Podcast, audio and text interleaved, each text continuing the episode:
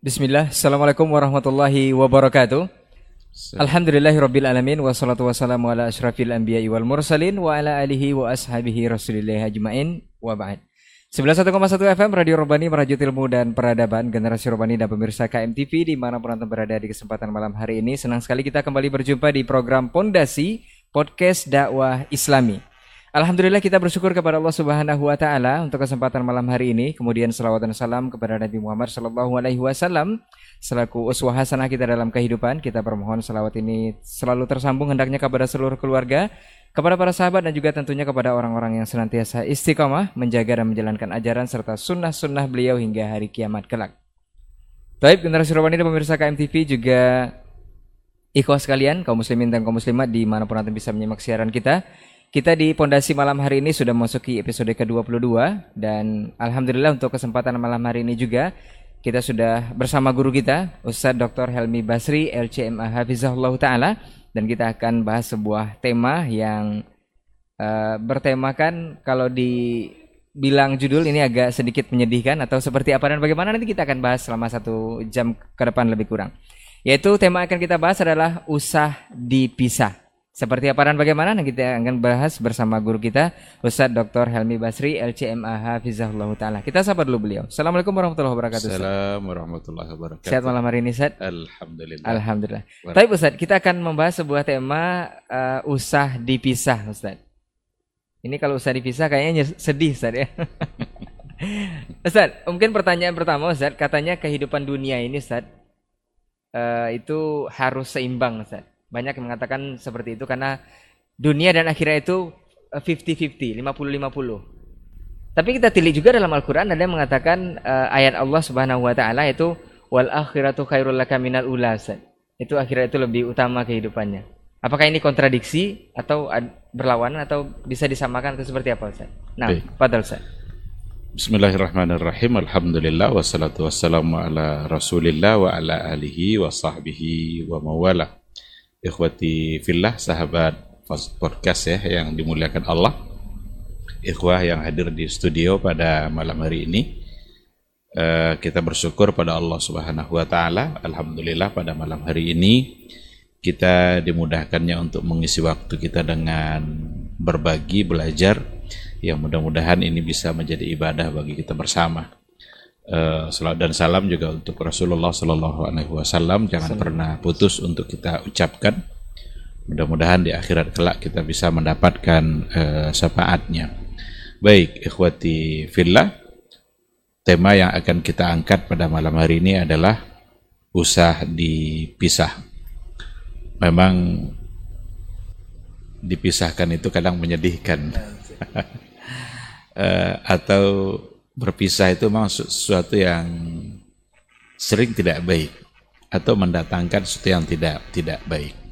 Tapi yang akan kita bahas pada malam hari ini adalah satu permasalahan yang memang harus didudukkan antara dunia dengan akhirat, antara kehidupan dunia dengan kehidupan akhirat atau antara amal-amal dunia dengan amal-amal ukhrawi. Nah. Apakah itu merupakan sesuatu yang terpisah atau justru jangan dipisahkan? Dalam Al-Qur'anul Karim itu ada banyak ayat yang memerintahkan kita untuk mengambil keduanya. Di antaranya apa yang ada di dalam surat Al-Qasas di antaranya adalah Bismillahirrahmanirrahim.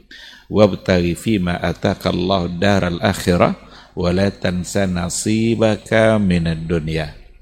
Raihlah fima Allah daral akhirah. Allah mengedepankan di sini adalah untuk persoalan akhirat. Kejarlah akhiratmu. Wala tansa nasibaka minad dunya. Tapi jangan kamu melupakan bagian dunia kamu berarti ada dua dua perintah.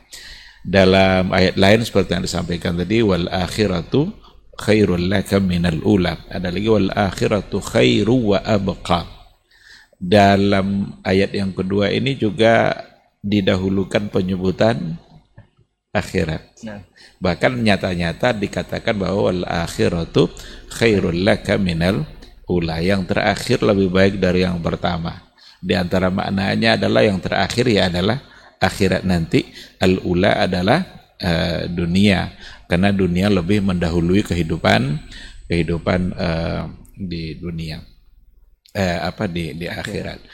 Uh, hal yang harus kita pahami adalah bahwa kehidupan dunia dan akhirat itu merupakan dua hal yang memang tidak boleh dipisahkan. Nah. Dia berjalan secara beriringan dan bersamaan gitu. Dengan arti kata, Islam itu tidak pernah menyuruh kita untuk meninggalkan salah satunya. Islam tidak pernah menyuruh kita untuk meninggalkan secara mutlak salah satunya. Yang tinggalkan dunia hanya akhirat atau tinggalkan akhirat apalagi itu tidak akan pernah tidak akan pernah ada. Yang ada justru bagaimana seorang muslim itu bersikap adil antara dunia dengan akhirat. Ya. Hanya saja adil itu bukan berarti sama berat. Ah, di sini yang perlu dipahami secara baik. Nah. Kita harus adil memberikan hak-hak dunia kita dan hak-hak akhirat kita. Karena dunia kita punya hak dan akhirat kita juga punya hak. Tetapi sekali lagi adil di sini tidaklah berarti sama berat. Tetapi yang adil itu adalah bagaimana kita bisa memberikan kebutuhan sesuai dengan yang dibutuhkan. Ya. Oleh karena itu, kalau seandainya kebutuhan kita kepada akhirat itu lebih besar daripada dunia, maka berarti kita harus memberikan porsi waktu kita lebih banyak untuk akhirat ketimbang untuk dunia. Nah. nah, jadi ini ini yang yang yang harus dipahami secara baik. Kalau dikatakan harus 50-50, harus 50-50, itu nanti akan akan tidak benar. Karena kehidupan dunia itu adalah sementara. Sementara kehidupan akhirat itu adalah abadi untuk selama-lamanya. Tidak mungkin kita mempersiapkan sesuatu yang hanya bersifat sementara berbanding sama nanti dengan sesuatu yang bersifat abadi. Bahkan kalau seandainya kita lihat apa yang digambarkan oleh Rasulullah Sallallahu Alaihi Wasallam tentang bagaimana singkatnya kehidupan dunia, itu memang tidak layak kita untuk mempersiapkan banyak-banyak banyak hal untuk hanya hidup di dunia. Nabi pernah mengibaratkannya dunia itu bagaikan orang yang melintas sebuah jalan, abirus sabil atau ibarat orang yang berteduh di sebuah pohon sejenak lalu dia lalu dia pergi. Dan pergi untuk untuk selama-lamanya. Melintasi sebuah jalan raya dari dari seber, dari sebelah sini pindah ke seberang sana. Seberapa lamalah itu? Itulah gambaran keberadaan di di dunia. Akan tetapi Islam tetap mengatakan wala tansa nasibaka minad dunia Jangan kamu lupakan bagian kamu di dunia. Nah, oleh karena itu, Allah Subhanahu wa taala memerintahkan kita untuk mengambil bagian-bagian tadi tetapi harus adil. Dikarenakan oleh kehidupan akhirat itu adalah sesuatu yang abadi dan selama-lamanya, maka di sini kita harus memberikan porsi waktu kita jauh lebih banyak untuk akhirat daripada untuk untuk dunia. Tapi jangan tinggalkan dunia. Jangan pula tidak diberikan hak-hak dunia kita. Kita punya istri, kita punya anak, kita mau makan, itu bagian-bagian dari dunia kita. Nah, kejarlah itu, carilah itu. Tetapi sesa, uh, uh, bahkan harus diusahakan kerja-kerja dunia kita harus tetap memiliki dimensi akhirat. Nah, jadi apa pun yang kita kerjakan di dunia ini harus memiliki dimensi akhirat sebisa mungkin. Walaupun persoalannya persoalan dunia, tapi usahakan itu tetap harus mendatangkan pahala dan mendatangkan kebaikan bagi bagi akhirat kita. Nah, oleh karena itu, dugaan bahwa seimbang harus 50-50 itu tidak bisa diterima sebenarnya. Karena membuat kita menjadi tidak adil. Kita memberikan dunia besar, sementara akhirat kita berikan sama dengan dunia, sementara kebutuhan kita pada akhirat jauh lebih besar daripada kebutuhan kita kepada kepada dunia. Sekarang seperti itu, wallahu alam. Ustaz, Ustaz, barangkali boleh dikoreksi kalimatnya bukan seimbang, tapi yang dimaksud seimbang ini adil mungkin Ustaz ya. Adil, Memberikan iya. sesuatu yang pada tempatnya atau Pada porsinya tempat. Ustaz Iya, ya. betul. Nah Ustaz, dari keterangan hadis ada juga yang mengatakan bahwa kehidupan dunia ini tidak lebih dari seekor sayap nyamuk kalau tidak salah Ustaz ya. Iya. Eh, yang jadi pertanyaan, kenapa Allah memberikan kita kehidupan dunia Ustaz? Apakah ini dengan segala kenikmatannya ini kita kan sering sering loss atau sering kehilangan dengan makna ini Ustaz? Iya. Bagaimana ini Ustaz? Itu salah satu dari gambaran betapa kecilnya dan hinanya dunia. Tidak berartinya eh, dunia. Nah, Eh, bagaikan eh, sayap seekor eh, lalat. Nah. Bahkan yang lebih dahsyat lagi perumpamaan Nabi itu ketika diibaratkan dunia bagaikan eh, bangkai yang begitu busuk dan dan eh, bau. Itu memberikan gambaran kepada kita bahwa dunia itu sesungguhnya sangat kerdil gitu, sangat kecil. Tidak perlu itu yang perlu kita perjuangkan banyak-banyak. Tidak perlu kita menghabiskan waktu kita eh, untuk sesuatu yang ternyata tidak tidak berarti gitu. Eh, namun Allah Subhanahu wa taala sudah menyiapkan kemauan dunia dan kemauan dunia yang dipandang besar oleh orang-orang hari ini atau oleh manusia ka- kapan pun itu sesungguhnya kecil kan bagaikan se- sayap seekor seekor lalat. Nah. Kita tahu lalat itu adalah makhluk yang sangat kecil, itu pun sayapnya pula. Begitulah digambarkan dunia. Maka perumpamaan itu sebenarnya mengajak kita agar tidak menghabiskan waktu kita untuk mengejar dunia yang ternyata dunia itu sangatlah kecil di mata Allah Subhanahu wa taala. Kita harus memandang bahwa dunia itu memang kecil dan bukan itu segala-galanya. Bahkan itu adalah hanya hanya hanya apa namanya itu perantara jembatan menuju kita sampai kepada kepada akhirat. Dan Allah dengan rahman dan rahimnya dengan kasih sayangnya Allah juga sudah berikan kenikmatan-kenikmatan yang ada di dunia. Raihlah kenikmatan dunia itu. Silahkan untuk diambil kenikmatan dunia yang disediakan oleh Allah Subhanahu wa taala. Tetapi sekali lagi itu tidak akan berarti apa-apa nanti dengan kenikmatan yang ada di akhirat kenikmatan yang di, di, di, di akhirat itu akan jauh lebih akan jauh lebih besar maka gunakanlah nikmat dunia ini untuk memburu mengejar dan meraih kenikmatan yang sesungguhnya yang ada nanti di akhirat kelak Nah, jadi mem- memaknainya mungkin eh, dunia ini eh, jembatan saja untuk menuju kehidupan akhirat Ustaz ya. tempat kita melintas menuju ke Boleh dunia. disederhanakan seperti itu Ustaz ya. iya Nah Ustaz, urusan dunia dan akhirat itu kata para ulama, bahkan tadi sudah dijelaskan juga itu tidak saling terkait atau tidak boleh dipisah atau tidak usah dipisah Ustaz. iya Tapi bagaimana dengan statement hari ini Ustaz yang kebanyakan ah jangan bawa-bawa urusan dunia kalau eh jangan bawa urusan-urusan akhirat dalam perkara dunia. Bahkan itu sesuai juga dengan hadis Nabi katanya antum a'lamu bi umuri dunyakum. iya Ah, kamu lebih paham urusan dunia kamu, jangan bawa-bawa akhirat. Ini seperti apa Ya, hadis itu ada dan hadisnya sahih insya Allah itu diucapkan oleh Rasulullah Shallallahu Alaihi Wasallam ketika dia eh, melewati seorang petani kurma. Lalu Nabi meng- mengusulkan sesuatu yang dia pandang itu baik dalam perkembangan kurma itu Eh, kalau nggak salah jangan dicangkok atau jangan apa gitu. Dilakukanlah oleh sahabat itu sesuai dengan yang dianjurkan Nabi. Nah. Ternyata kurmanya di tahun berikutnya tidak sebaik yang sebelumnya. Ah, ditanya lagi, didatangi lagi Rasul ya Rasulullah. Jadi begini dia. Ketika itulah Nabi mengatakan, antum a'lamu bi umuri dunyakum. Kalian lebih paham dengan perkara-perkara eh, dunia kalian. Jika saya sampaikan kepada kalian yang terkait dengan agama, ambil itu. Tapi untuk persoalan dunia kalian lebih tahu. Hadis ini sebenarnya bukan untuk kita harus harus eh, mengabaikan akhirat dalam masalah dunia, bukan itu arti dari hadis itu. Tapi hadis itu artinya adalah makna yang ter, yang terdapat di dalam hadis itu Nabi membolehkan kita untuk berkreasi dalam persoalan dunia kita. Kan kita hidup di dunia nih, banyak persoalan-persoalan yang kita laksanakan mungkin dalam masalah muamalah, seperti ekonomi, budaya, dan lain sebagainya.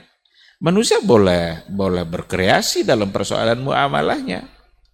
Dalam masalah transaksi ekonomi umpamanya, barangkali akan bisa berkembang. Apa yang ada pada sekarang jauh berkembang dan dulu tidak pernah tidak pernah ada. Maka dibolehkan untuk berkreasi dalam persoalan dunia. Akan tetapi kreativitas anak manusia dalam persoalan dunia ini harus sejalan dengan dawabit atau batasan-batasan agama. Ya. Ini yang membuat dia menjadi tidak terpisah antara dunia dan akhirat. Jangan dimanfaatkan nanti hadis ini untuk kita berbuat semaunya di dunia ini tanpa memandang batasan-batasan itu. Dalam masalah budaya umpamanya, budaya itu kan kreasi manusia. Nah. Manusia yang berbuat, manusia yang menetapkan, mereka yang menyukainya, buatlah, silahkanlah. Tetapi jangan sampai nanti berbenturan dengan batasan-batasan agama. Kalau sudah berbenturan dengan batasan agama, kita akan menjadi salah. Nah oleh karena itu hadis itu sama sekali bukanlah memisahkan antara urusan dunia dan akhirat tetapi membolehkan kita untuk berkreasi dalam perkara-perkara dunia kita tetapi kreativitas itu harus selalu di bawah payung payung agama harus di bawah dan sejalan dengan ketentuan-ketentuan dan dawabit dawabit syariah transaksi ekonomi silakan tapi jangan ada riba jangan ada gharar jangan ada zulm. Budaya silahkan kembangkan, tapi jangan ada syirik, jangan ada nanti hal-hal yang sifatnya uh, menghina menghina orang lain. Jangan ada di situ hal-hal yang ternyata berbenturan dengan apa yang diperintahkan oleh oleh agama.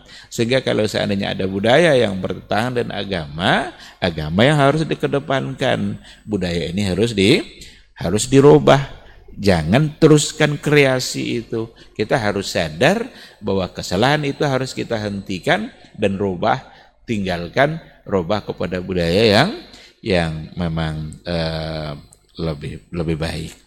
Saya Ustaz, seperti itu. Uh, mohon izin lagi Ustaz. Ini antara kehidupan dunia dengan kehidupan akhirat juga Ustaz. Uh, dari dari awal tadi kita sudah membahas bahwa keduanya tidak boleh dipisah atau usah dipisah dan harus uh, adil dalam porsinya masing-masing. Ini ada dua kelompok berseberangan Ustaz. Sebagian besar uh, ada yang memaknai kehidupan akhirat itu dengan uh, zuhud Ustaz. Jadi lebih merasa cukup dengan kehidupan dunia, lebih mementingkan kehidupan akhirat. Di satu sisi lagi ada kelompok yang mengatakan hidup hanya sekali Ustaz, nikmati saja. Ini seperti apa ini Ustaz? Iya, nikmatilah untuk hal-hal yang memang dihalalkan. Nah, boleh kita menikmati dunia boleh menikmati yang seberat sayap lalat tadi itu silahkan di, diambil nah, nah. tetapi sekali lagi nikmatilah sesuai dengan apa yang diatur oleh oleh agama kalau seandainya ada orang yang punya duit banyak punya harta boleh enggak dia memilih-milih restoran mana dia mau makan dipilih restoran yang paling enak boleh silahkan asalkan halal Nah, kan kan begitu. Nah. Berarti asalkan halal itu, itu aturan agama. Dia bebas boleh memilih restoran yang mana, itu urusan dunia. Dia boleh dia nikmatilah. Karena Allah berikan dia kekayaan. Nanti kalau seandainya sampai masa haul dan nisabnya, bayarkan zakatnya.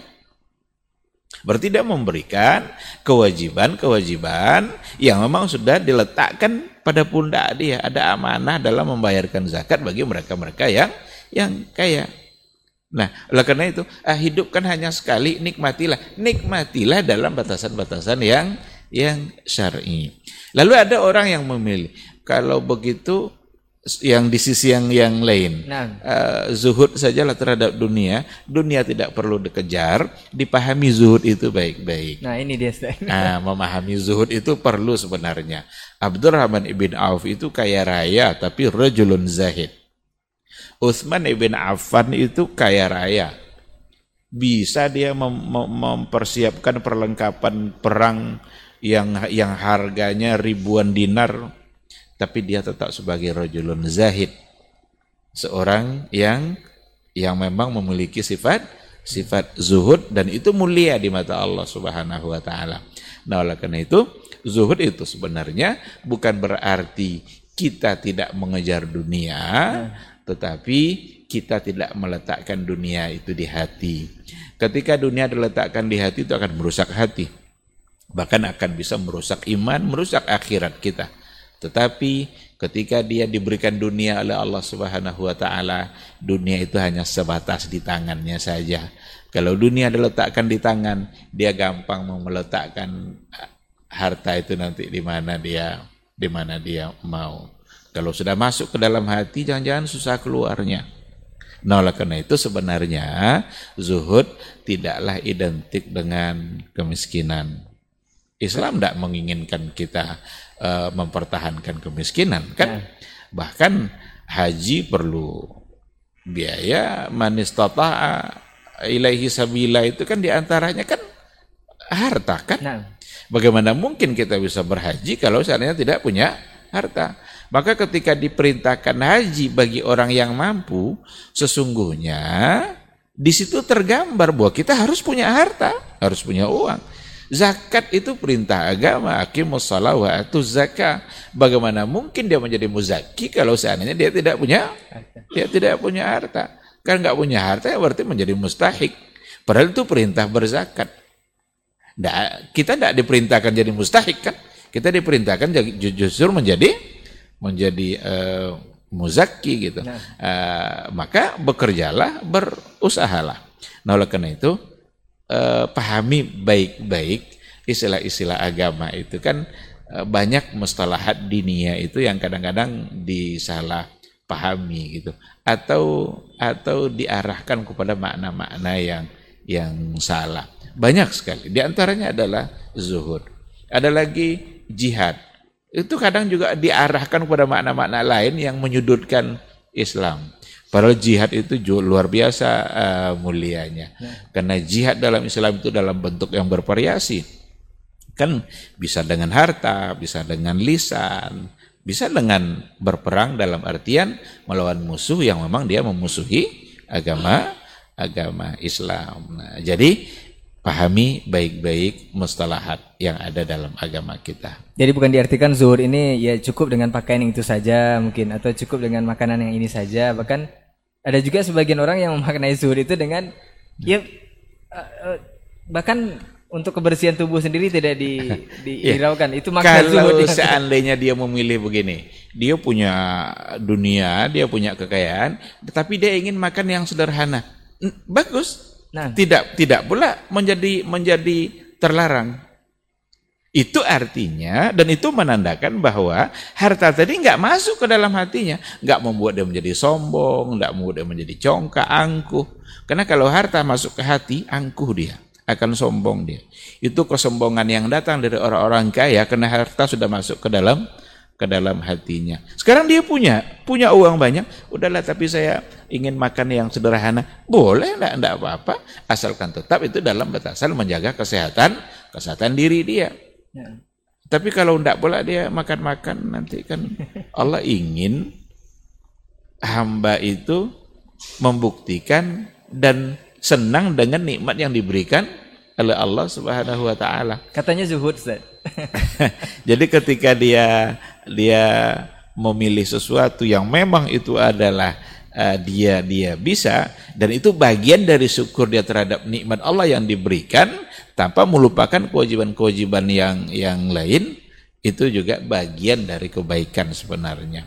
Nah. Maka dalam hal itu ya eh, seperti yang tadi itu ketika dia memilih kesederhanaan itulah sebenarnya yang yang eh, yang zuhud itu kan kan banyak istilah-istilah seperti yang kita katakan tadi ada zuhud ada wara ya kan ya. ada takwa gitu kan ini tiga istilah ini ini juga bagian dari mustalah ya gitu kalau takwa itu kan menjaga diri dari yang diharamkan.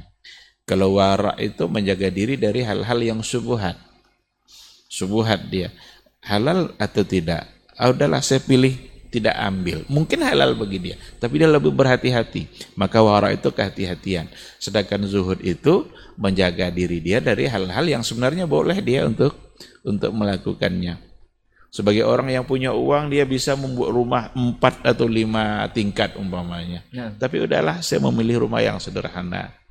Berarti zuhud. Nah.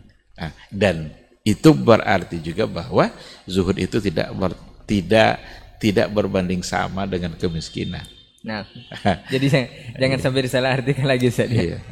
Nah Ustaz, jadi bagaimana sebenarnya Ustaz untuk barangkali boleh di, diulang lagi yang harus dipisah tadi sebenarnya dunia yang masuk ke hati tadi Ustaz ya. Iya. Itu yang harus benar harus dipis- harus dipisah. Tapi kalau kehidupan dunia dengan kehidupan akhirat itu sebenarnya jangan tak usah dipisah, jadi diseimbangkan saja atau diberikan porsi yang adil untuk keduanya. Ini eh, poin berikutnya Ustaz, bagaimana agar setiap urusan dunia kita itu eh, selalu dibimbing oleh perkara agama Ustaz. Karena kita menyadari setiap kita membuka mata dari awal itu seluruh kegiatan kita hampir di sana bernilai eh, atau dibimbing oleh perkara agama dari A sampai Z sebenarnya. Kayak, kayak kita bangun tidur sudah ada bacaan doanya kita menuju ke kamar mandi masuk ke kamar mandi bahkan itu semua sudah diatur. Itu kan adalah perkara akhir atau perkara agama Ustaz ini bagaimana menyadarkan atau membuka mata kita bahwa setiap perkara akhirat itu sebenarnya berseimbangan atau eh, tidak bisa dipisah dengan perkara dunia Ya. nah Ustaz Di sinilah pentingnya kita memahami agama ini secara luas. Agama harus dipahami jangan eh, setengah-setengah atau jangan garis besar-garis besarnya saja. Nah. Karena Islam ini mengajarkan kita ada yang secara garis besar, ada yang secara detail. Kalau seandainya kita berbuat dalam persoalan dunia kita, bagaimana persoalan dunia kita ini harus selalu dibimbing oleh agama kita. Tidak ada cara lain selain daripada kita paham dengan bimbingan-bimbingan agama kita itu. Kita harus paham batasan-batasan dalam beragama. Contoh, eh, boleh enggak kita berupaya untuk mendapatkan sebuah jabatan? Itu kan urusan dunia. nah Kalau dulu, kalau kita baca sejarah secara historis, ada orang-orang yang ketika meminta jabatan kepada Rasul, Rasul tidak berikan. Seperti eh, Abu Dzar umpamanya, Amirni ya Rasulullah, beri saya eh, imarah, jabatan ya Rasulullah. Kata Rasul apa? Innaka rajulun da'if. Sesungguhnya kamu wahai Abu Dzar adalah rajulun da'if. Kamu lemah. Imarah itu adalah amanah. Dan itu di akhirat nanti menjadi nadamah. Menjadi sebuah penyesalan.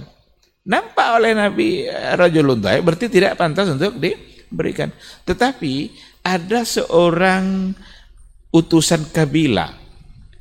Seorang utusan dari kabilah yang yang di pedalaman Arab yang datang menemui Rasul untuk mempelajari Islam, diajarkan Islam itu oleh Rasulullah Shallallahu Alaihi Wasallam, dan setelah itu justru Nabi mengangkat dia sebagai pemimpin untuk kaumnya agar dia bisa bisa berdakwah, ya kan? Nah berarti persoalan jabatan kita di dunia itu masalah masalah dunia. Bolehkah kita dapatkan? Boleh, silakan. Tetapi bagaimana persoalan dunia kita ini harus selalu dibimbing oleh agama. Di sini nanti nggak usah dipisah itu. Jadi jangan dipisah. Kalau dipisah nanti antara jabatan dengan agama, maka dia akan menjadi pejabat yang tidak baik. Karena tidak punya dawabit, tidak punya kriteria. Jabatan hanya sekedar mengejar kekayaan pribadi sebanyak-banyaknya akan dia kejar kekayaan pribadi itu. Meskipun akan menzalimi hak-hak orang lain. Itu kalau dia tidak punya dawabit dan batasan-batasan agama. Nolak karena itu, bagaimana urusan dunia kita harus selalu di bawah naungan agama. Jangan sama sekali dipisah. U, uh, usulan untuk memisahkan itu, itu datang dari orang-orang sekuler. Orang-orang menganggap bahwa agama ini terpisah dari negara, politik terpisah dari eh, agama. Jangan bawa-bawa agama dalam perpolitikan kita. Itu sekuler habis itu. Pemikiran eh, seperti itu. Padahal kalau kita lihat dalam hadis-hadis Nabi, justru tidak tidak dipisahkan. Apa contohnya? ketika kita baca hadis uh, sabatun uh, yuzilluhumullahu yawma la zilla illa zilluh. Ada tujuh golongan yang di akhirat kelak akan mendapatkan naungan. Nah. Di, nggak ada naungan di hari itu kecuali naungan naungan Allah. Yang pertama yang disebut Nabi apa? Imamun adil. Pemimpin. Pemimpin yang adil. Berarti soal kepemimpinan ini kan tidak murni masalah dunia kan? Nah, Masalah jabatan ini berarti hubungannya sama akhirat nih. Masya Nah, begitu, begitu gambaran dari Nabi. Kalaulah dikatakan bahwa soal kepemimpinan ini jangan bawa-bawa agama, eh, siap aja lah nanti di akhirat kelak. Dia tidak akan bisa menjadi yang adil. Gak mungkin dia menjadi seorang yang adil kalau seandainya dia tidak mengerti dan batasan-batasan bagaimana agama mengatur agar bisa agar bisa adil. Nah. Kita ambil contoh lain. Bapaknya Nabi bilang begini kullu amrin zibalin la yubda'u fihi bismillah fahuwa atta setiap urusan di mana urusan itu tidak dimulai dengan bismillah fahuwa atta maka dia akan terputus terputus itu di antara maknanya seperti yang dikatakan oleh uh, Syekh Al-Utsaimin uh, qati'ul barakah terputus keberkahannya ketika Nabi mengatakan kullu amrin zibalin. Ini amrin di sini apakah persoalan akhirat saja? Apakah hanya sekedar kita mau sholat, mau wudhu, mau berniat puasa? Kullu amrin. Kullu itu dalam ilmu usul fikih itu lafaz am. Lafaz yang bermakna umum. Semua perkara, semua urusan. Berarti apa pun urusan dunia kita, kita harus berada dalam frame bismillah. Harus berada dalam bingkai bismillah. Kita mau berdagang ke pasar, mulailah dengan bismillah. Sehingga nanti perdagangan kita tidak terputus keberkahannya. Jadi bingkai kita itu, apa pun kerja dunia kita, bingkainya harus bismillah. Kalau enggak, fahuwa akta. Dia akan akan terputus mau pergi ke kantor, mau pergi ke sawah, mau pergi ke kebunnya, mulai dengan bismillah. Sehingga nanti akan ada akan ada uh, keberkahan dan itu juga membantu dia untuk tetap berada dalam bimbingan agama. Karena dia sudah membingkaikan usahanya itu dengan dengan nama Allah. Kalau dia pergi sebagai seorang petani pergi dia untuk ke kebunnya dan dia berada pada bingkai bismillah. Saya kira dia tidak akan ambil-ambil lagi tuh sejengkal-sejengkal tanah orang. Karena dia sudah mulai dengan bis bismillah. Ah, pergi dia mungkin ke kantor untuk bekerja. Dia berada dalam bingkai bismillah tadi. Saya kira dalam pekerjaannya di kantor itu akan selalu terjaga dari hal-hal yang bertentangan dengan makna makna bismillah. Nah, jadi dengan dengan demikian hadis Nabi yang tadi itu sebenarnya menggambarkan bahwa persoalan dunia kalian harus selalu berada di bawah naungan ketentuan-ketentuan agama. Nah, di sinilah jangan pernah memisahkan urusan dunia kita dengan akhirat kita. Karena dunia nanti akan ada pertanggungjawabannya nanti di ya. di hari akhirat kelak. Kalau kita pisah, di sinilah nanti yang akan membuat orang terjerumus, terjebak kepada hal-hal yang menyimpang, hal-hal yang salah, karena urusan dunia dia kira semata-mata untuk dunianya, tidak lagi membawa-bawa agama sehingga dia bisa saja terjerumus kepada penyimpangan-penyimpangan yang akan membahayakan dia di akhirat kelak.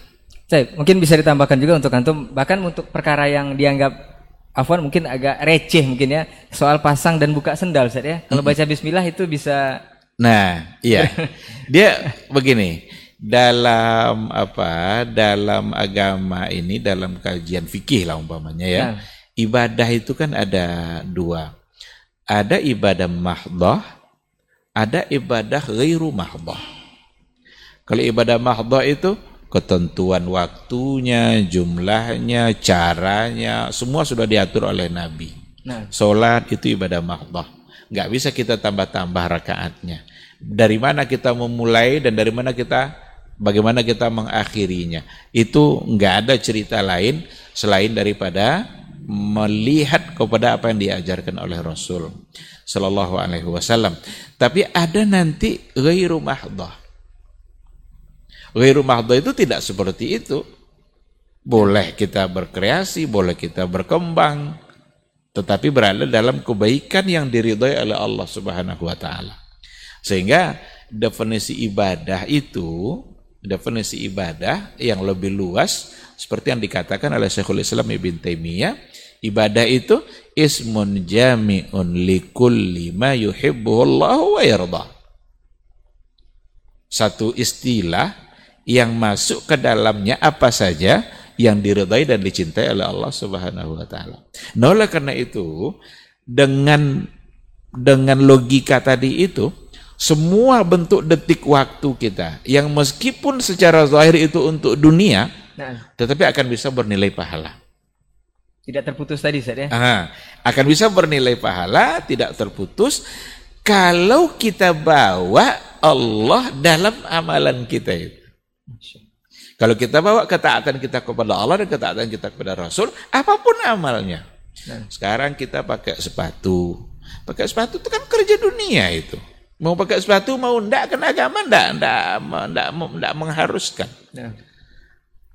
Tapi ketika kita pakai sepatu kita awali pakainya itu dengan kaki kanan. Nah.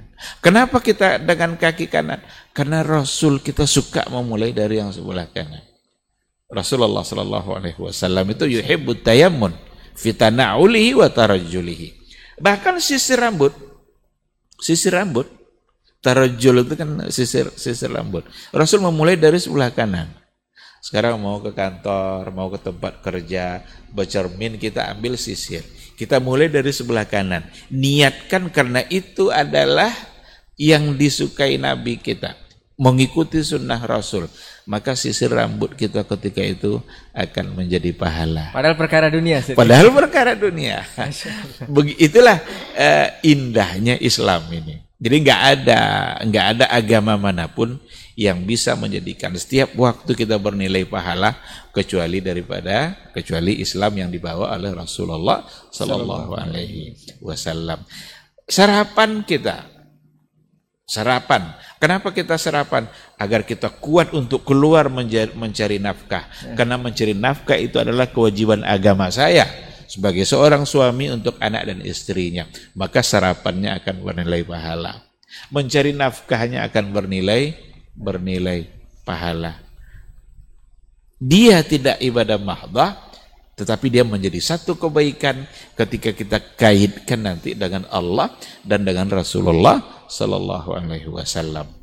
Kan boleh aja orang kalau mau pakai sandal kaki kiri dulu, kan tidak ada syaratnya kan? Nah. Tidak sah pakai sandal kalau tidak diawali kaki kanan, kan tidak ada, ada itu kan? Nah, Tetapi ketika dia awali dengan kaki kirinya, dia tidak dapat pahala. Rugi ya? Rugi dia. Nah, sekarang bagaimana agar pahala itu numpuk terus gitu? Bagaimana setiap waktu yang diberikan oleh Allah ada nilai pahalanya. Bahkan tidur saja. Coba bayangkan, tidur saja. Kalau seandainya niatnya untuk memperkuat fisiknya agar bangun beribadah, maka tidurnya akan menjadi akan menjadi pahala.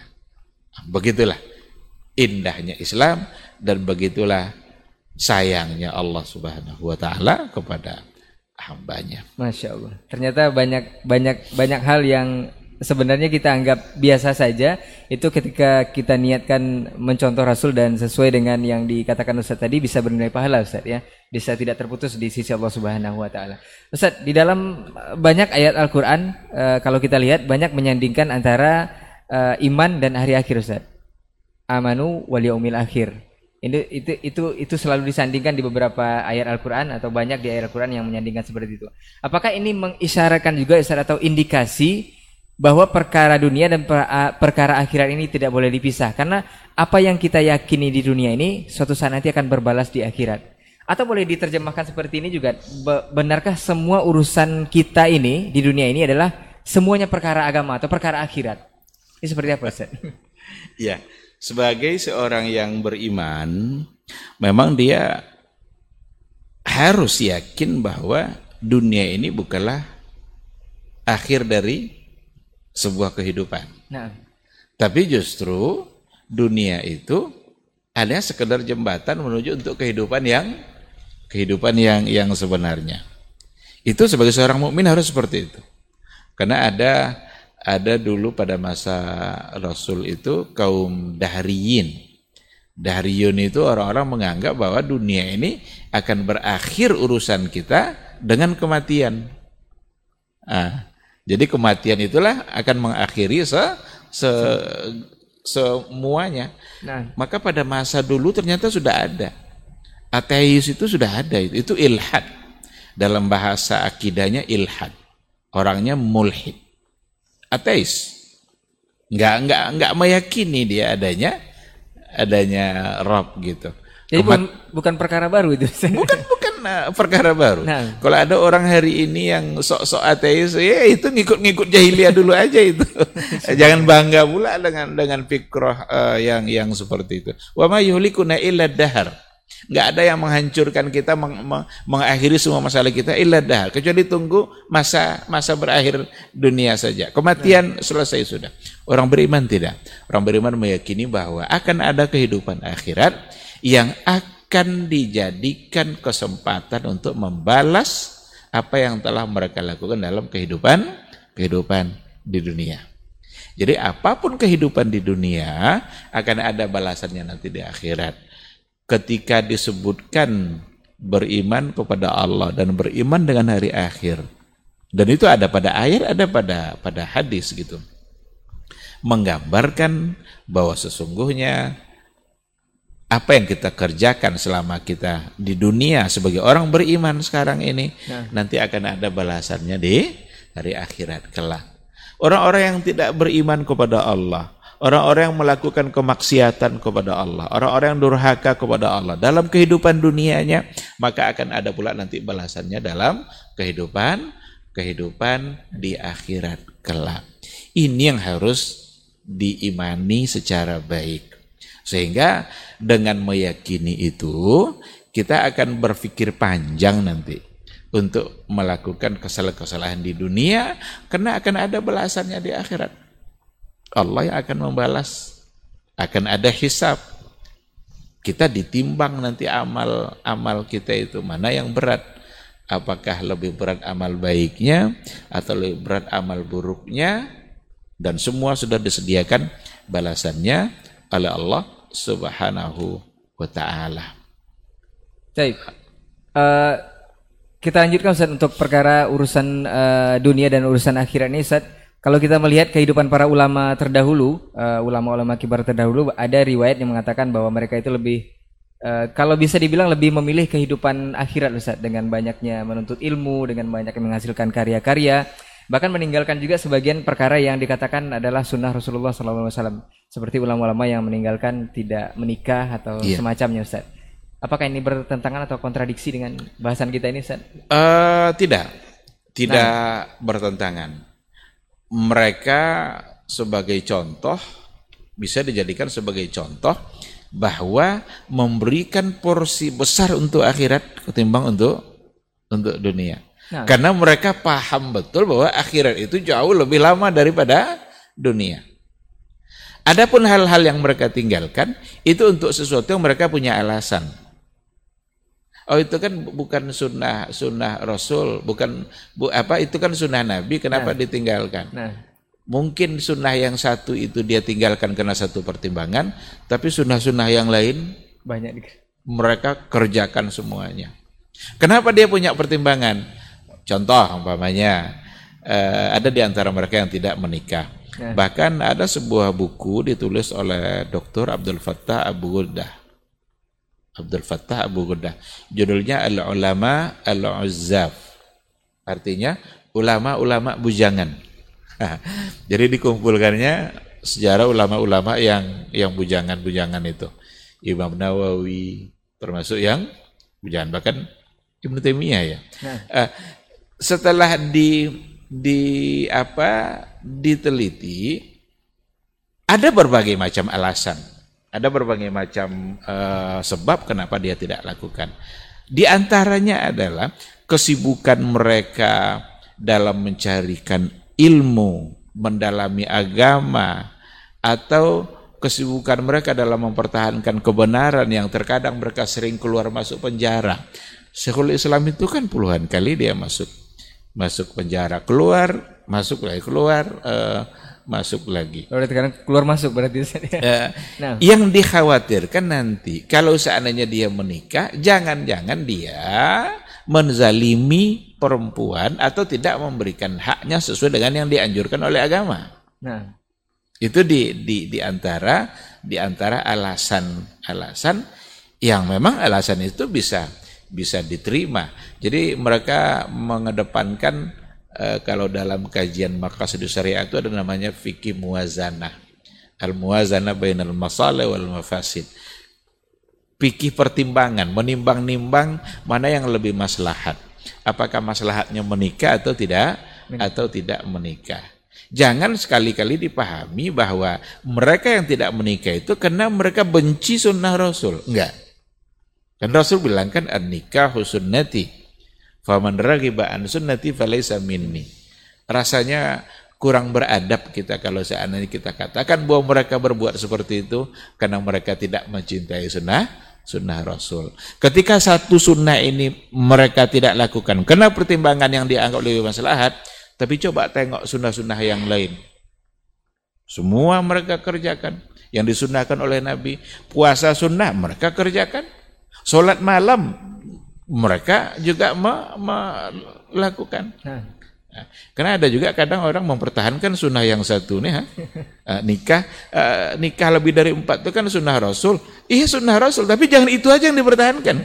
Kadang yang Baik, lain malah dia di, ditinggalkan. Ada juga orang yang yang mem, mempan, apa, memanjangkan rambutnya. Nah. Kalau ditanya, ini kan Rasul dulu rambutnya panjang. Nah. Tapi sayangnya sunnah yang nampak pada itu cuma panjang rambut saja.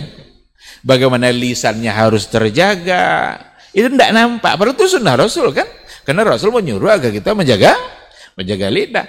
Bagaimana kita tidak memaki-maki, mencaci maki atau atau berkata bohong, itu semua adalah perintah Rasul yang bisa disebut sebagai sunnah Rasulullah Shallallahu Alaihi Wasallam dari dari sisi kauliahnya. Nah, oleh karena itu, ketika ada di antara mereka yang tidak mengerjakan yang tadi itu, bukan karena mereka membenci sunnah Nabi, tapi karena ada pertimbangan-pertimbangan yang memang bisa disebut sebagai pertimbangan syar'i. Wallahu alam. Nah, Ustaz. Uh, menyambung dari bahasan kita ini lagi Ustaz. Ada ada sebagian besar orang yang mengatakan bahwa kehidupan dunia dan akhirat ini memang sebenarnya terpisah Ustaz. Bahkan seolah-olah mereka itu pasrah Ustaz dengan berbuat uh, katakanlah kaum hedonis yang mengatakan hanya untuk kesenangan dunia saja, mereka mengatakan kalau ridho dengan ketentuan Allah maksudnya mereka akan menerima kalaupun nanti akan masuk nerakanya Allah Ustaz. Jadi pas seolah-olah mereka sudah kuat dengan api neraka ini Ustaz. Apakah ini ucapan yang benar atau seperti apa Ustaz? Nah, uh, itu tentu bukan ucapan yang yang benar. Karena kita diminta untuk beramal, kita diminta untuk beramal sebanyak-banyaknya. Barangkali dari aplikasi hidup hanya sekali tadi Ustaz, makanya berbuat semaunya nanti akan hidup hanya sekali lalu nikmati saja, nah. kemudian pasrah dan ridho terhadap ketentuan Allah Ustaz. ketentuan Allah Subhanahu wa taala. Meskipun masuk meskipun itu itu bukan ucapan yang yang tepat sebenarnya. Karena walaupun masuk neraka itu seolah-olah tergambar dia sudah sanggup untuk menahan uh, api neraka. Kita disuruh untuk banyak-banyak beramal, beribadah untuk mengejar ridha Allah agar dengan ridha dan karunia Allah itu kita tidak kita dijauhkan dari dari neraka dan dimasukkan ke dalam surga Allah. Oleh karena itu kalau kita beribadah dengan mengharapkan surga itu tidak salah karena harus ada ar-raja dan satu sisi lagi ada al-khauf. Nah. Orang-orang yang beriman itu seperti itu, ada ar-raja, ada al-khauf. Ar-raja itu penuh harap. Jadi ada harapan-harapan yang ingin didapatkannya dengan kebaikan-kebaikan yang dia lakukan. Mudah-mudahan masuk surga. Bukankah Allah menjanjikan surga bagi orang-orang berbuat baik? Nah. Lahum jannatun na'im. Lahum maufiratun. Kan itu kan mereka mendapatkan surga yang penuh dengan kenikmatan, mereka akan mendapatkan keampunan. Sekarang kita beramal sebanyak-banyaknya. Puasa Ramadan umpamanya, dia sebentar lagi akan masuk. Nah. Dijanjikan oleh Rasul apa? Man sama Ramadana imanan wa ihtisaban, ghufira lahu ma taqaddama min dzambi. Sekarang boleh tidak kita beramal berpuasa dengan harapan kita terampuni dosa-dosa yang telah berlalu? Ya boleh dan memang harus berharap karena Nabi yang sudah memberikan janji itu. Bukan pamrih itu saya. Kita luruskan lagi Ustaz. Tidak bertentangan dengan keikhlasan gitu. Nah. Kan orang menganggap uh, selagi dia mengharapkan surga berarti belum ikhlas. ikhlas. Ini kadang ungkapan datang dari orang-orang sufi dan dimaklumi orang-orang sufi itu banyak yang aneh-aneh yang dia ungkapkan. Uh, salah satunya yang yang yang uh, ini Nah. Selagi mengharapkan surga berarti belum ikhlas. Ikhlas tidak bertentangan dengan harapan-harapan surga. Bahkan kita beribadah sekali lagi seperti yang dikatakan tadi, ada al-khauf, ada ar-raja. Al-khauf itu apa? Rasa takut kita dengan ancaman Allah. Rasa takut kita dengan ancaman Allah, maka kita mentaati Allah Subhanahu wa taala. Jadi jangan uh, walaupun masuk neraka asal Allah ridha. Ah, enggak, masuk surga asal Allah ridha. Itu yang harus di, diperjuangkan dalam dalam kehidupan kita. Baik, jadi karena tidak tidak mungkin juga masuk surga lalu Allah tidak tidak tidak ridha. Nah, jadi ketentuannya harus dimaknai dengan benar Ustaz ya. Iya. Nah, kita lanjut Ustaz. Di lain sisi Ustaz ada yang ada ungkapan yang masyhur sebenarnya dari dulu Ustaz bahwa hidup itu terserah yang di atas Ustaz. Ini mudah-mudahan satu visi nih Ustaz ya. Hmm. Terserah yang di atas mudah-mudahan semua mengakui kalau Allah itu di atas Ustaz. Ini sehingga banyak yang mengaplikasikan maksud tersebut dengan malas untuk segala hal Ustaz. Jadi malas berusaha, malas bekerja karena udah ada ketentuannya Ustaz. Jadi hidup itu iya. mengalir saja karena udah ada ketentuannya. Bahkan berefek juga ke eh, pro yang lain mengatakan bahwa kalau kita, kalau seperti itu fungsi kita sebagai hamba Allah ini di dunia seperti apa? Kalau kita hanya ketentuan dari Allah aja kita seperti boneka. Ini seperti apa Ustaz?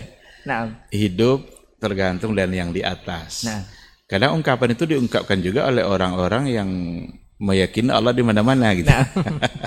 Jadi, tapi ketika hidup uh, mereka sepakat di atas. Tapi dia sambil menunjuk pula itu kan, nah. tergantung yang di atas. Di satu sisi ungkapan itu benar karena memang hidup kita tergantung yang di atas, tergantung Allah. Kita nggak bisa protes terhadap ketentuan-ketentuan Allah yang berlaku dalam kehidupan kita. Nggak bisa. Uh, kita tiba-tiba sakit, kita nggak bisa protes. Kita mau protes siapa? Mau protes Allah. Kita berusaha tiba-tiba bangkrut, itu terserah yang di atas. Betul itu di, di, di satu sisi. Karena memang apa pun dalam kehidupan kita ini itu diatur oleh Allah. Sekecil apa pun, bahkan lembaran daun kayu pun yang jatuh.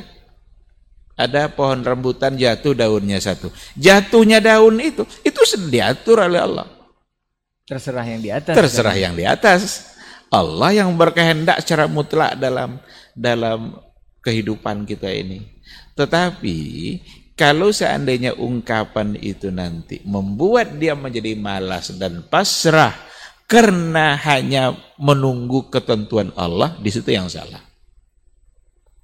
Itu satu kesalahan. Jadi mensinkronkannya seperti apa nih Ustaz? Terserah yang di atas ini. Karena Allah Subhanahu wa taala memberikan kita peluang untuk berikhtiar mengejar ketentuan yang baik. Itulah sebabnya dan di situlah hikmahnya kenapa takdir itu rahasia.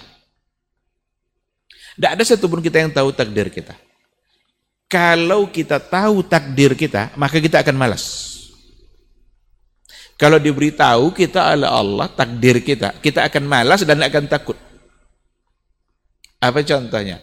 Kalau seandainya ada seorang mahasiswa belajar, ya. dia sudah tahu takdirnya nanti akan sukses dan dapat A semuanya. Buat apa dia belajar? Karena dia sudah pasti dapat A, itu takdir dia. Atau dia sudah tahu bahwa takdirnya dia tidak akan selesai kuliah. Rajin tidak dia belajar? Malas dia. Malas juga. Jadi apa pun ketentuan takdir kita, kalau Allah beritahu, pasti kita akan menjadi pemalas. Kita buka usaha, lalu kita sudah tahu bahwa takdir kita bahwa dalam usaha itu tidak akan sukses. Kira-kira gimana? Atau kita sudah tahu bahwa usaha kita pasti sukses. Ya akan malas juga karena pasti sukses. Eh, ini. Padahal semua ketentuan sudah ada kan? Nah. Bahkan siapa yang masuk surga, siapa yang nggak masuk surga Allah sudah tahu.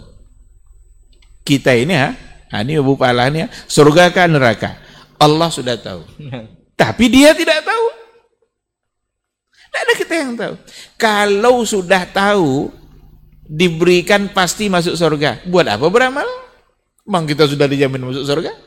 Atau kalau sudah tahu kita takdir kita buat kita neraka, buat apa beramal kita masuk neraka? Neraka. Jadi apa pun takdir kita pasti kita nggak akan bekerja.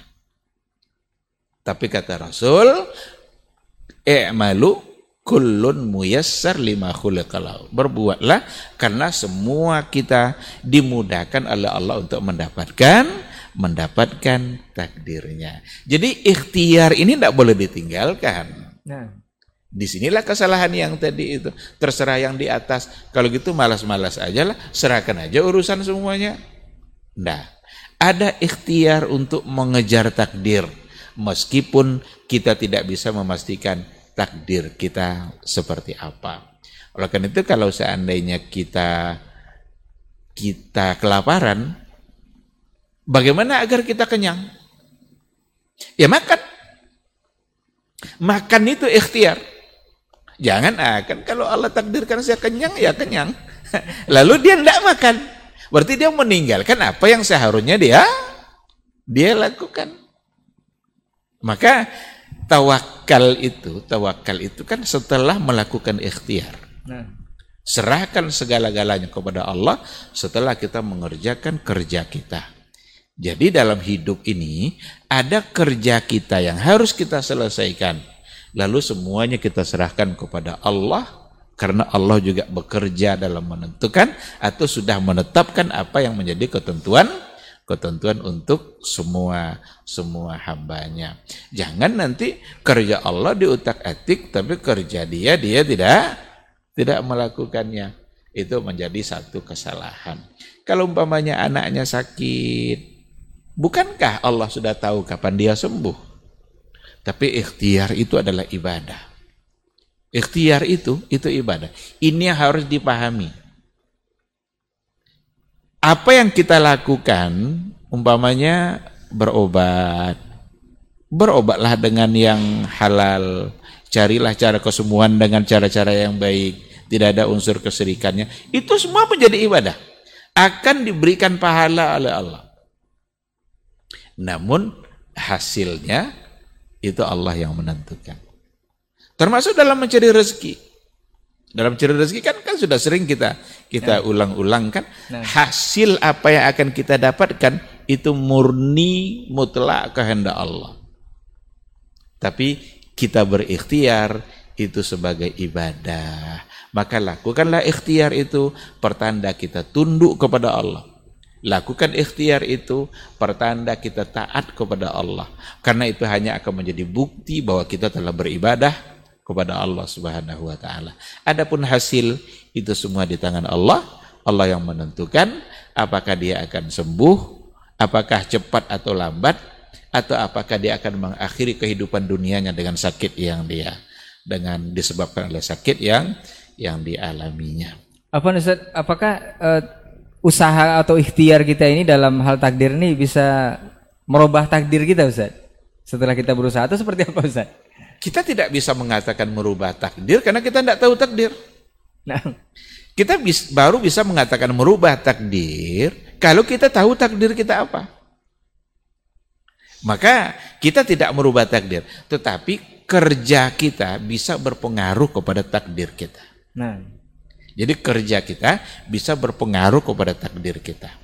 Kalau seandainya ada orang yang dalam keadaan miskin umpamanya, dia ingin mendapatkan eh, mendapatkan eh, harta kekayaan, dia bekerja. Bekerja ini ikhtiar. Yang mungkin dengan bekerja ini sebagai cara untuk mendapatkan yang diberikan oleh Allah.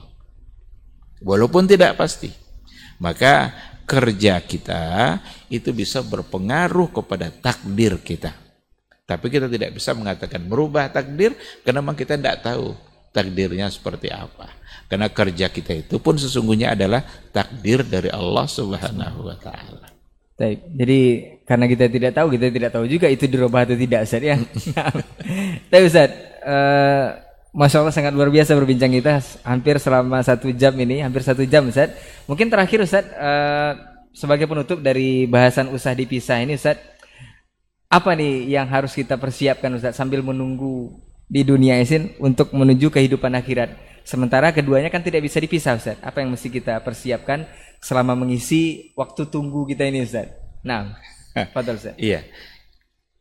Dalam setiap aktivitas dunia kita jangan melupakan Allah. Nah, Bawa terus dalam niat kita untuk kebaikan-kebaikan yang bisa kita dapatkan di akhirat kelak. Apa pun yang kita lakukan. Walaupun secara zahir mungkin hanya perbuatan dunia, tetapi apa pun perbuatan dunia kita selalu bawa Allah di situ, selalu ikutkan niat baik, selalu ikutkan niat untuk mengikuti apa yang diperintahkan oleh Allah dan oleh Rasulullah Sallallahu Alaihi Wasallam, sehingga kerja-kerja dunia kita selamanya nanti akan bernilai pahala dan akan memberikan kebaikan bagi kehidupan kita di akhirat kelak. Dan yakinlah bahwa semua bentuk hasil dari kerja-kerja dunia kita itu tidak ada satupun yang benar-benar dari kerja kita. Kerja kita itu hanya seperti yang kita katakan tadi, itu adalah ikhtiar dan ibadah. Semua hasil kerja dunia kita itu hanya diatur dan ditentukan oleh Allah Subhanahu wa taala. Maka bersyukurlah kita mendapatkan kebaikan dari kerja dunia kita dan bersabarlah ketika kerja dunia yang kita lakukan ternyata tidak mendapatkan hasil sesuai dengan yang kita inginkan. Karena sikap orang beriman itu hanya dua, sabar ketika men- menghadapi hal yang tidak baik dan syukur ketika menghadapi sesuatu yang dirasakannya baik. Wallahu subhanahu wa taala. Baik, jazakallah khairan Ustaz untuk uh, ilmunya dan bincang-bincangnya di malam hari ini. Mudah-mudahan uh, podcast kita malam hari ini bisa bermanfaat untuk antum semua dan ingat usah dipisah antara kehidupan dunia dengan akhirat, tapi berikan porsi yang adil antara mereka berdua dengan menyeimbangkan dalam arti kata adil tadi Ustaz ya. Boleh dikatakan juga dari uh, pesan terakhir Ustaz tadi uh, kejarlah bonus-bonus di dunia ini untuk meraih pahala di akhirat. Karena untuk dunia aja kita bikin bonus Ustaz. Pengen Iya. bonus gitu untuk apalagi, untuk untuk perkara akhirat. apalagi untuk perkara. Untuk perkara dunia antum pasti pengen bonus dan untuk per- perkara akhirat harusnya lebih lagi. Afwan untuk semua salah kata kita bicara, jazakallah khairan untuk perhatian antum semua. Kita tutup nanti dengan doa kafaratul majelis. Insya Allah kita pekan depan akan ketemu lagi di eh, sesi yang sama, di program yang sama, dengan ustadz yang sama insya Allah, dengan tema yang berbeda insya Allah. Kita tutup dengan doa kafaratul majelis. Subhanakallahumma wa bihamdika asyhadu an la ilaha illa anta astaghfiruka wa atubu. Wassalamualaikum warahmatullahi wabarakatuh.